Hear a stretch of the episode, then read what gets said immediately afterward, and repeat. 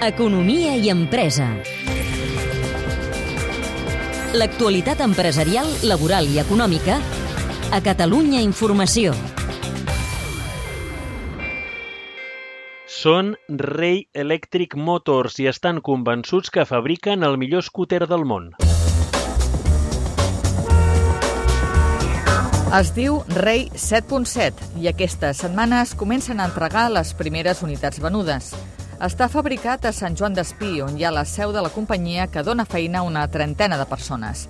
La majoria dels components del Rei 7.7 són catalans, porta un motor de 10,7 kW, que equival a un scooter de combustió de 125 centímetres cúbics, però té prestacions de moto superiors i presenta algunes solucions innovadores. És el primer producte de la companyia, fundada el 2019, que té l'ambició d'afiançar-se al mercat espanyol aquest any i obrir-se al mercat internacional el que ve. Fets aquests 5 cèntims, per què afirmen amb rotunditat que fan el millor scooter del món? D'entrada, pel fet de ser elèctric per qüestions ambientals. Nosaltres van començar abans del Covid, però el Covid m'ha reconfirmat no? que realment quan a una ciutat no hi ha soroll i no hi ha fum, tu camines per la ciutat i és una meravella, és espectacular, no? Llavors el nostre gra d'arena és, oi, fas alguna que t'agrada i a més estàs ajudant una mica al teu planeta, la teva... ja no al teu planeta, a la teva ciutat, no? Pues a Barcelona, hem començat a Barcelona, a Catalunya, ajudem a que les ciutats siguin una mica millor. És Íñigo Reventós, un dels fundadors i CEO de Rei Elèctric, que també destaca la tecnologia i les prestacions inusuals amb què han dotat l'escúter com la marxa enrere o un seient regulable en altura. Hem intentat dissenyar alguna que la gent digui, ostres, és la moto o la motoscooter o l'escúter amb més atributs de venda o de compra que ja, no? Pues hem fet una patent mundial del seient que regula en tres posicions perquè la gent baixa gent alta pugui anar a la moto tranquil·lament igual de bé.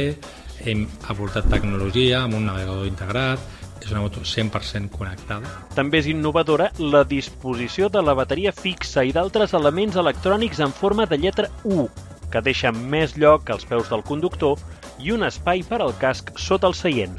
Per aconseguir realment una moto amb la part dels peus que sigui amb una bandejita, no? que puguis posar aquí la motxilla, el que vulguis, per poder tenir també la part del cas no? que puguis ficar dintre de, del seient, doncs hem tingut que dissenyar i aprofitar el que era el tubo d'escapament i el càrter i incorporar una forma molt, molt innovadora de la bateria. No? Aquesta és una innovació mundial que hem fet, una patent, per poder tenir una moto que sigui no molt gran, molt manejable, molt, molt, molt fàcil de conduir, però que tingui realment aquesta autonomia que la gent està acostumada a una moto a combustió. No? Aquesta autonomia és d'uns 150 quilòmetres de mitjana, cosa que, segons diuen, permetria visitar la majoria de proveïdors, perquè una de les apostes és per la producció local.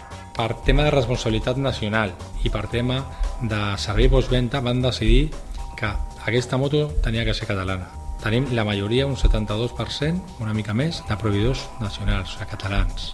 Una altra part que no hem trobat aquí a Catalunya doncs està al territori espanyol i una altra petita part en el territori italià.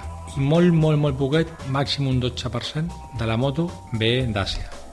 Llavors, la moto està fabricada per nosaltres. Som fabricants i dissenyadors de la moto. Una moto catalana, doncs, però amb vocació internacional. Tenim que sortir amb la bandera, no? Oye, aquí a Catalunya s'ha fet la millor scooter del món. Pues anem a produir-la per expandir-la ràpidament, no? I el nostre primer focus és l'any que ve poder estar a tota Europa. L'objectiu, diuen, és revolucionar el món de l'escúter com fa dècades que no es fa, fer-se un nom i agafar avantatge mentre les grans marques del sector no s'acaben de decidir per la mobilitat elèctrica. És un reportatge de Jordi Canal amb el muntatge tècnic de Jordi Galbany.